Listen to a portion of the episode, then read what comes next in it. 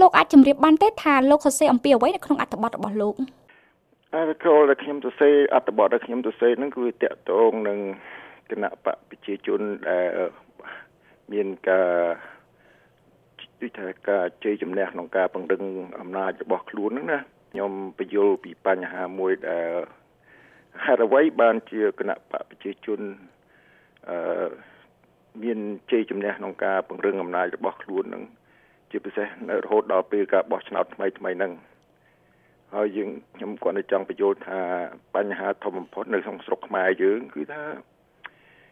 វារឿងរឿងការមិនទុកចិត្តគ្នាអត់ហ្នឹងប៉ុន្តែអត្ថបទខ្ញុំដែលសរសេរសំខាន់បំផុតចំណុចដែលខ្ញុំចង់និយាយសំខាន់បំផុតគឺថាវាជារឿងសន្តិសុខផ្ទាល់ខ្លួនឬសន្តិសុខគណៈបកពីព្រោះស្ថាប័នជាតិ របស់ខ្មែរយើងវាអត់រឹងមាំលោកបានសរសេរអំពីយុទ្ធសាស្ត្រ C3 ដែលលោកនាយករដ្ឋមន្ត្រីហ៊ុនសែនប្រើប្រាស់ក្នុងការបង្កើនអំណាចអឺតើលោកចង់សម្ដៅទៅលើអ្វីគណៈអ្នកណាគណៈបកណាដែលខ្លាំងជាងត្រូវតែក្តោបក្តាប់អំណាចដោយ control ណាចាប់យកអំណាចនៅកន្លែងស្ថាប័នរដ្ឋដូចជាព្រឹទ្ធសភារដ្ឋសភាខាងកងទ័ពខាងតឡាការអាហ្នឹង គឺថាអ្នកដឹកនាំដែលមានអំណាចច្រើនត្រូវតែ control ត្រូវតែត្រួតត្រាខ្មែរយើងថាត្រួតត្រាត្រួតត្រាស្ថាប័នរដ្ឋហ្នឹងគឺថាទី1គឺគឺគឺត្រូវតែចាប់យកកន្លែងការគ្រប់គ្រងកន្លែងហ្នឹងឲ្យបានទី2 control coercion គឺថាត្រូវតែបង្ខំបង្ខំគឺថាយកមុនដំបូងបង្ខំគឺថាត្រូវយកអាវុធអឺ ឬក៏យកស្អីយកកម្លាំងបាយខ្មែរយើងថាយកកម្លាំងបាយបង្ខំឲ្យគេចោះចាញ់ឬក៏ឲ្យគេចោះចូលហើយបើមិនចោះចូលទេអាចយកវិធានការមួយទៅផ្សេងមួយទៅខំឲ្យគេទាល់តែចោះចូលអានឹងថា control control ហ្នឹងគឺ coercion បង្ខំអាទី3គឺ co-option គឺថាបញ្ចុះបញ្ចូលឲ្យគេចូលរួបរวมគណៈបកឬក្រុមខ្លួននឹងដោយប្រើ វិធីទុនភ្លុនឬវិធីមួយដែលធ្វើឲ្យគេចូលចិត្តឬក៏ឲ្យគេចង់បានអឺតើលោកអាចលើកឧទាហរណ៍ជាក់ស្ដែងមកបង្ហាញបានទេអឺដូចខ្ញុំជំរាបចឹងទៅយើងនិយាយពី control ការត្រួតត្រាស្ថាប័នរដ្ឋខ្មែរគឺថាអឺ you know ទី1គឺថាតាំងពីជំនាន់អ៊ុនតាក់មកជាប់ឆ្នោតបោះឆ្នោតនៅឆ្នាំឆ្នាំ1993មកគឺថា ពីដើមពលពងដែលអ៊ុនតាក់កំពុងតែបោះឆ្នោតរៀបចំបោះឆ្នោតហ្នឹងគឺថាគណៈបកប្រជាជនមិនអាចឲ្យពួកអ៊ុនតាក់ហ្នឹងទៅត្រួតត្រាក្រសួងផ្សេងផ្សេងដែលគេត្រូវរើគ្នាថាត្រូវអ៊ុនតាក់ឲ្យត្រួតត្រាក្រសួងដូចជាក្រសួងការបរទេសក្រសួងការការពារជាតិក្រសួងណែខាងឲ្យណែដំណឹងអញ្ចឹងឲ្យបានថាអ៊ុនតាក់មានការពិបាក បង្កើត environment មួយដែលធ្វើឲ្យការបោះឆ្នោតហ្នឹងវា free and fair មានសេរីភាពនឹងអញ្ចឹងហើយបានថាអ៊ុនតាក់គឺថាมันអាចគ្រប់គ្រងរបបឬក៏គ្រប់គ្រងក្រសួងទាំងនោះសំខាន់សំខាន់ទាំងនោះបានដូចខ្ញុំនិយាយនឹង coercion ខាងបកិតបខំហ្នឹងគឺថាវាមានតាំងពីដើមមកចែកអំណាចតែមិនព្រមគឺថាត្រូវបែកបាក់គ្នាត្រូវធ្វើសង្គ្រាមគ្នាមែនទេ ហើយឆ្នាំ1997ហ្នឹងដែលគេហៅថាធ្វើរដ្ឋបហាប្រឆាំងនឹងទម្លាក់សម្ដេចអឺព្រះអង្គចាស់រ៉ានវិតហ្នឹងអាហ្នឹងជាជារូបរឿងមួយដែលហៅថា coercion ជាបកិតបខំឬក៏ប្រើកម្លាំងបាយឬកម្លាំងអាវុធចាហើយ co-option co-option ហ្នឹងវាតាក់ទងនឹងរឿងថាដូចយ៉ាងចឹងឲ្យមានលុយច្រើនទៅវាទៅជា corruption អញ្ចឹងទៅ ប៉ុន្តែអ្នកដឹកនាំដូចជានៅក្នុងប្រទេសខ្មែរអញ្ចឹងគឺថាមធ្យោបាយទី3ហ្នឹងវាមធ្យោបាយទី3ហ្នឹងវាវាសំខាន់ជាងគេ បើមានគឺថា co-option ហ្នឹងគឺថាធ្វើឲ្យគេចោះចូលដោយមិនចាំបាច់បង្ខំឬក៏មិនមិនចាំបាច់អឺប្រើកម្លាំងបាយឲ្យប្រើអឺការបញ្ចុះបញ្ចូលហ្នឹងអញ្ចឹងបានជាស្រុកខ្មែរក៏ដូចជាស្រុកអ្នកដទៃទៀតដែរនេះយើងនិយាយឲ្យវាយុត្តិធម៌ អា co-option ហ្នឹងគឺថាយើងត្រូវតែមានលុយច្រើនណាដើម្បីទិញទឹកចិត្តគេឬក៏ឲ្យបនស័កគេឲ្យច្រើន ដើម្បីឲ្យគេចូលចូលខាងខ្លួនអាហ្នឹងជាមធ្យោបាយមួយដែលមិនចាំបាច់ពឹង coercion ការប្រខិតបង្ខំនឹងខ្លាំងហេតុអ្វីបានជាលោកចាត់ទុកប្រទេសកម្ពុជាថាជាប្រទេសដែលមានបកតែមួយ ដែលមិនមានគណៈបកផ្សេងអាចប្រកួតប្រកួតប្រជែងបាន ដែលជាភាសាអង់គ្លេសហៅថា hegemonic party system ពីព្រោះมันវាខុសពី multi party system multi party system គណៈបកផ្សេងផ្សេងទៀតមានលទ្ធភាពប្រកួតប្រណាំងប្រជែងក្នុងការបោះឆ្នោតនោះឲ្យអាចសង្ឃឹមថាឈ្នះឆ្នោតបានប៉ុន្តែនៅ hegemonic party system ហ្នឹងអត់មានសង្ឃឹមទេអ្នកផ្សេងផ្សេងទៀតអ្នកខ្លះគាត់តែជាអ្នកបង្កើតគណៈបកហ្នឹងឲ្យតែបង្កើតទៅប៉ុន្តែគេថាឲ្យឈ្នះសិលឹកឆ្នោតអីឬបង្កើតជារដ្ឋាភិបាលឈ្នះឆ្នោតអីគឺថាអត់ទៅរួចទេអឹម ប៉ុន្តែតើប្រទេសកម្ពុជាធ្លាប់មាន multi party system ដែរឬទេក្នុងការអនុវត្តជាក់ស្ដែងធ្លាប់មានប៉ុន្តែអត់រស់បានយូរអត់នៅបានយូរបាទមុនដំបូងចាប់ពីណែអឺជាពិសេសនៅជំនាន់លោកលន់ណុលសាធារណរដ្ឋឆ្នាំ70ប៉ុន្តែពីមុននឹងមានដែរដើមឆ្នាំ50អី1950មានដែរប៉ុន្តែវាខ្សោយ គណៈបកកាយើងលទ្ធិប្រជាធិបតេយ្យនឹងមកសុកខ្មែរបន្ទាប់ពីបារាំងវាឲ្យយើងមានសេរីភាពក្នុងការបង្កើតគណៈបកហ្នឹងប៉ុន្តែវាខ្សោយអត់ដែលរឹងមាំទេដែលដែលដែលមកដែលដែលមានរឹងមាំបន្តិចគឺជំនាន់សាធារណរដ្ឋមានគណៈបកផ្សេងផ្សេងនឹងគេពនួតប្រកួតប្រណាំងប្រជែងគ្នា ប៉ុន្តែនៅគណៈបករបស់ប្រធានាធិបតីលន់ណុលនៅតែមានខ្លាំងជាងគេដូច្នេះថាខ្មែរស្រុកខ្មែរយើងវាមានបញ្ហានឹងចង់បង្កើតគណៈបកលទ្ធដែលសម្ព័ន្ធគណៈបកនយោបាយដែលមានមានឲ្យសេរីភាពដល់គណៈបកប្រឆាំងហ្នឹងគឺថាពិបាកពិបាកមែនទែនដល់ខ្មែរក្រហមចូលមកកំតិចទាំងអស់អត់ឲ្យមានអីគណៈបកប្រឆាំងសោះមានគណៈបកកុម្មុយនីសមួយ ដល់អញ្ចឹងទៅស្រុកយើងមិនដែលមានគណៈបកអឺច្រើន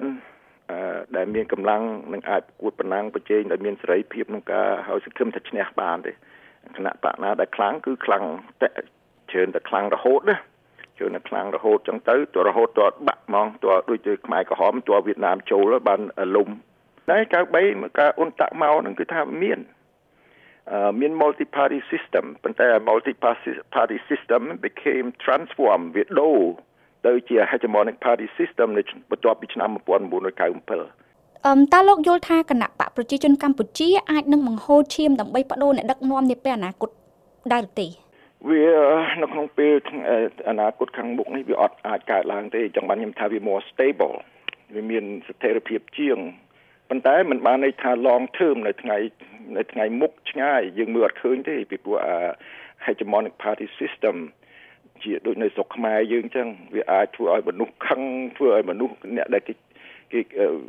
អ្នកដែលគេអត់មានអំណាចអ្នកដែលគេ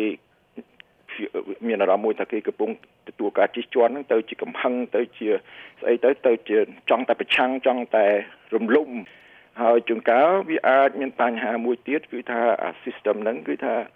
បើមិនប្រយ័ត្នទេវាអាចផ្ទុះពីក្នុងពីព្រោះ system ហ្នឹងវាអត់មាន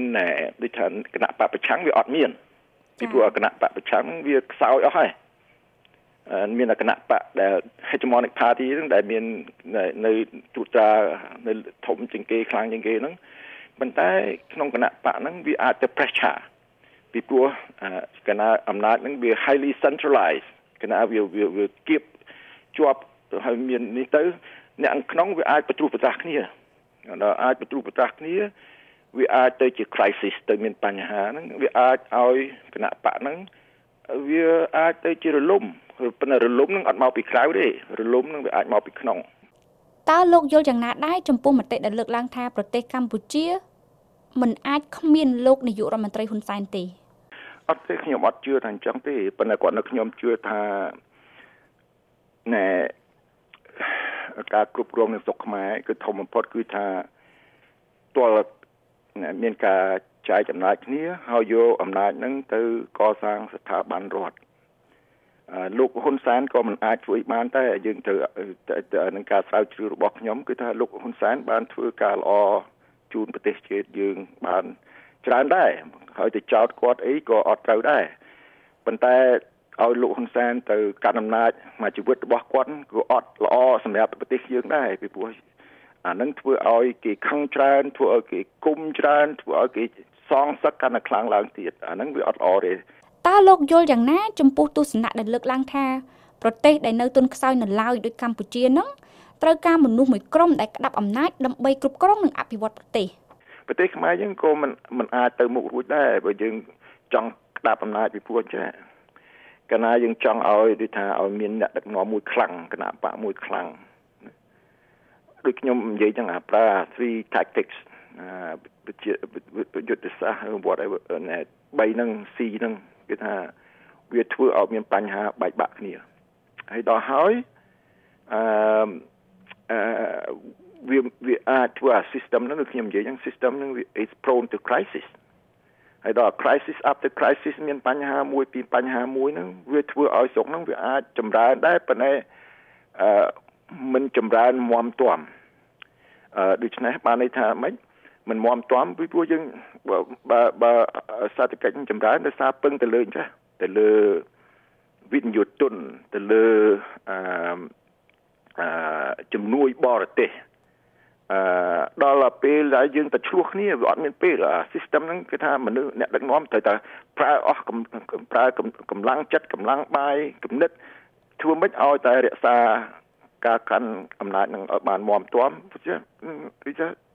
ប្រទេសហ្នឹងនៅតែពឹងទៅលើចម្រើនអីទោះណា foreign investment ពីខាងក្រៅស្អីក៏ដោយគឺយើងពឹងទៅលើខាងក្រៅ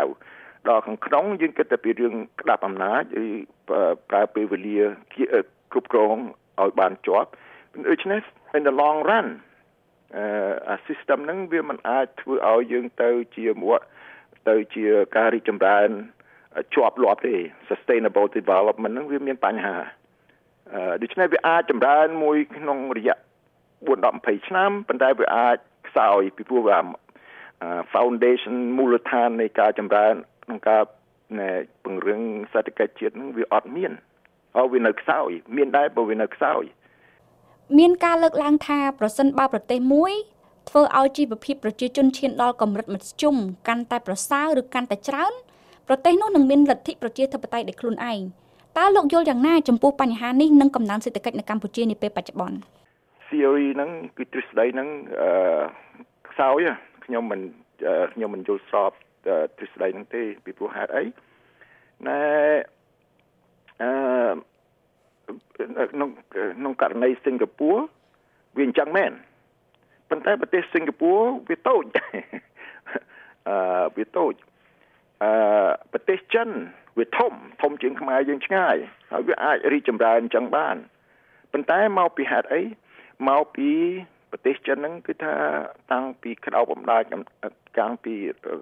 គណៈបកកុម្មុយនីសនឹងឈ្នះតាំងពីឆ្នាំ1000បន្ទាប់ណាតាំងពីបន្ទាប់ពីសង្គ្រាមលោកលើកទី2 1949មកគឺថាអឺគេពង្រឹងស្ថាប័នរដ្ឋពង្រឹងគណៈបកនយោបាយនឹងខ្លាំង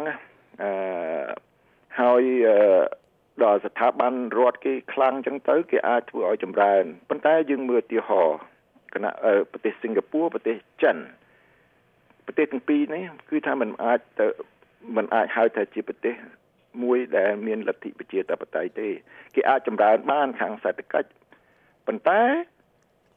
ប៉ុន្តែអឺរឿងលទ្ធិប្រជាធិបតេយ្យអត់មានអញ្ចឹងបានថាឥឡូវយើងចង់បានស្អី រឿងបញ្ហាខ្មែរយើងធំបំផុតគឺបើលោកគណៈបកប្រជាជនអាចធ្វើបានអាហ្នឹងវាជួយដែរណាវាជួយដែរគឺថាទី1គឺថាបើគណៈបកប្រជាជននឹងខ្លាំងហើយត្រូវតែសម្ដែងឲ្យគេឃើញថាខ្លួននឹងខ្លាំងក្នុងន័យថាគៀបឬដោះស្រាយបញ្ហាពុករលួយនឹងឲ្យចាញ់បានឥឡូវយើងមើលសិង្ហបុរីជាឧទាហរណ៍ សិង្ហបុរីធ្វើការនឹងកើតប៉ុន្តែបើយើងនិយាយពីរឿងពុករលួយសិង្ហបុរីលេខ1ខ្ពស់ណាគេគេគេឲ្យតម្លៃខ្ពស់ដោយដោយគ្មានការពុករលួយខ្លាំងក្លាចា៎ហើយប្រទេសខ្មែរយើងបញ្ហាហ្នឹងគឺពុករលួយហើយបើគណៈបកប្រជាជននឹងអាចកំទេចឬកំចាត់ការពុករលួយនឹងបានអានឹងជាការល្អប្រជាជនគ្រប់គ្រងប៉ុន្តែយើងឃើញថារហូតដល់ពេលនេះប្រជាជនអត់គិតថាអឺ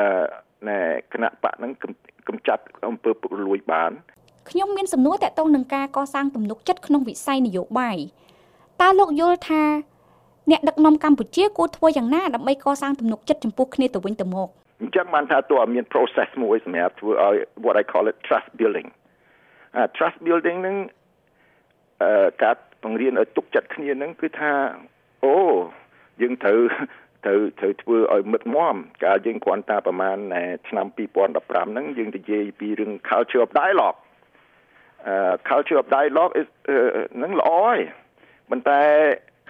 យើងយើងត្រូវរៀនពីមេរៀនតើហេតុអីវ៉ៃបានជា culture of dialogue ហ្នឹងវាវាវាទៅអឺ collapse ហេតុអី culture of dialogue ហ្នឹងវាចុះខ្សោយភ្លាម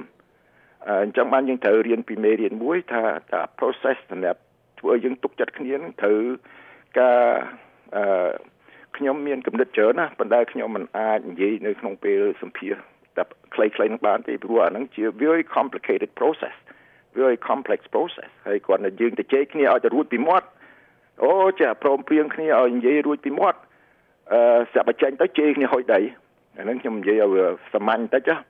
អាហ្នឹងរឿងការទុកចិត្តហ្នឹងវាពិបាកពីព្រោះកាលណាស្ថាប័នរដ្ឋហ្នឹងវាខ្សោយ ទុកចិត្តនិយាយគ្នាហើយស្អែកឡើងទៅទៀតត្រូវគិតទោះតែខ្លាំងមែនទែនទោះខ្ញុំគំនិតខ្ញុំទោះរនអ្នកបញ្ញវន្តធំធំមកបង្កើតជា process ហ្នឹងមួយ monitor អា process ហ្នឹងមើលការខុសត្រូវ process ធ្វើមិនពួកគាត់នៅគណៈបកអង្គុយទល់មុខគ្នានិយាយគ្នាអូឈប់ណាអញ្ចឹងទុកចិត្តគ្នាអត់ទៅរួចទេពីព្រោះអាការមិនទុកចិត្តនឹងគ្នានឹងវាខ្លាំងមែនទែន uh, Uh, it's a long term process